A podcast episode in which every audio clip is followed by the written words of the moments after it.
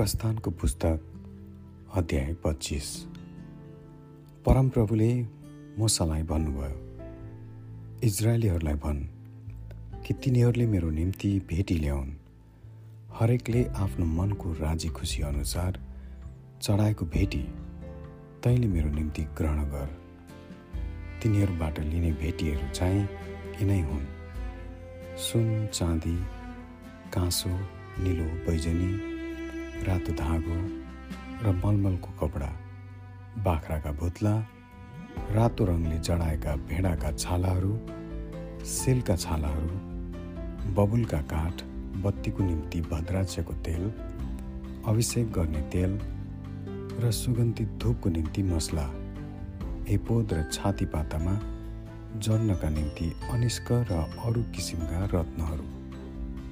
म तिनीहरूका मध्येमा बस्नलाई तिनीहरूले मेरो लागि एउटा पवित्र स्थान बनाउनु। मैले तँलाई देखाउने नमुना बमोजिम पवित्र वासस्थान र त्यसका सबै सामानहरू तैँले बनाउनु। तिनीहरूले बबुल काठको एउटा सन्दुक बनाउनु। त्यसको लम्बाइ दुई हात आधा चौडाइ एक हात आधा र उचाइ एक हात आधाको होस्। तैँले त्यसलाई निखोर सुनले मोहर्नु। भित्र बाहिर तैँले त्यसलाई मोहर्नु। त्यसको चारैतिर सुनको बिट बनाउनु। त्यसको निम्ति सुनका चारवटा मुन्द्रा ढालेर त्यसका चार खुट्टामा लगाउनु।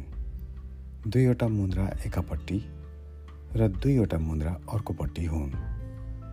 तब तैँले बबुल काठका डन्डाहरू बनाएर ती सुनले मोहर्नु। ती डन्डाहरू सन्दुकका दुवैतिर भएका मुद्राहरूमा सन्दुक बोक्नलाई हाल्नु। ती दण्डहरू सन्दुकका मुद्राहरूमै रहनुपर्छ। ती त्यहाँबाट ननिकाल्नु। तब त्यस सन्दुकभित्र गवाई पाटी राख्नु जो म तँलाई दिनेछु। अनि तैँले निखुर सुनको एउटा कृपा आसन बनाउनु। त्यसको लमाइ दुई हात आधा र चौडाइ एक हात आधाको होस्। पिटेको सुनका दुईवटा करुबहरू कृपा आसनका दुवै किनारमा हुन्। एउटा करुब एक किनारमा र अर्को करुब अर्को किनारमा। ती दुई करुबहरू र कृपा आसन एउटै टुक्रा सुनबाट त्यसका दुई किनारमा बनाउनु। ती करुबहरूले आ आफ्नो पखेटा मासतिर फैलाएका र कृपा आसनलाई आफ्ना पखेटाले ढाकेको हुनुपर्छ। तिनीहरूका मुख आम्ने सामने कृपा आसनतिर फर्केका हुनुपर्छ। त्यो कृपा आसनलाई सन्दुकको माथि राख्नु अनि सन्दुकभित्र गवाई पाटी राख्नु। जो म तँलाई दिनेछु त्यही म तँसित भेट गर्नेछु अनि कृपा आसनमाथि गवाई पार्टीको सन्दुकमाथि हुने ती दुई करुबहरूका बिचबाट इजरायलीहरूका निम्ति सबै आज्ञाहरू म तँलाई दिनेछु। तैँले टेबल बबु काठको एउटा टेबल बनाउनु। त्यसको लम्बाइ दुई हात चौडाइ एक हात र उचाइ एक हात आधाको होस्। त्यसलाई निखुर सुनले मोहर्नु र त्यसका चारैतिर सुनको बिट लगाउनु। त्यसका चारैतिर चारवटा अङ्गुल चौडा भएको एउटा घेरो बनाउनु र घेरोका चारैतिर सुनको बिट लगाउनु। टेबुलका निम्ति सुनका चारवटा मुन्द्रा बनाउनु। र ती मुन्द्राहरू त्यसका चार खुट्टा भएका चारै कुनामा लगाउनु। टेबुल बोक्ने डन्डाहरूका निम्ति ठाउँ हुनलाई ती मुन्द्राहरू घेरोको छेउमा हुन्। ती डन्डाहरू बबुल काठका हुन्। तिनलाई सुनले मोहर्नु र तिनैले टेबुल बोकियोस्।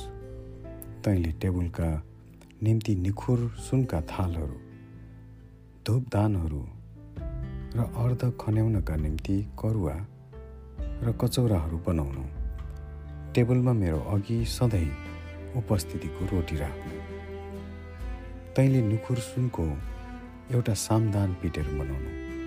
त्यसका आधार डन्डा फुल जस्ता कचौरा कोपिला र फुलहरू सबै त्यही एउटै टुक्राबाट बनाउनु। त्यसका छवटा हाँगा बाहिरतिर निस्केका हुन्। तिनवटा हाँगा सामदानको एकापट्टि र तिनवटा हाँगा अर्कोपट्टि। एउटा हाँगामा हाँडे बदामका फुल जस्ता तिन कचौरा र साथै कोपिला र फुलहरू हुन्। अर्को हाँगामा पनि तिनवटा।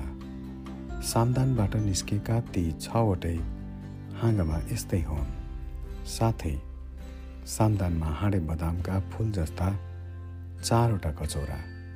आ आफ्नै कोपिला र फुल समेत हुन्। सामदानबाट निस्केको पहिलो जोडी हाँगा मुनि एउटा कोपिलो दोस्रो जोडी मुनि दोस्रो कोपिलो तेस्रो जोडी मुनि तेस्रो छवटै हाँगाहरूमध्येका दुई दुईवटा हाँगा मुनि एक एकवटा कोपिला होस्।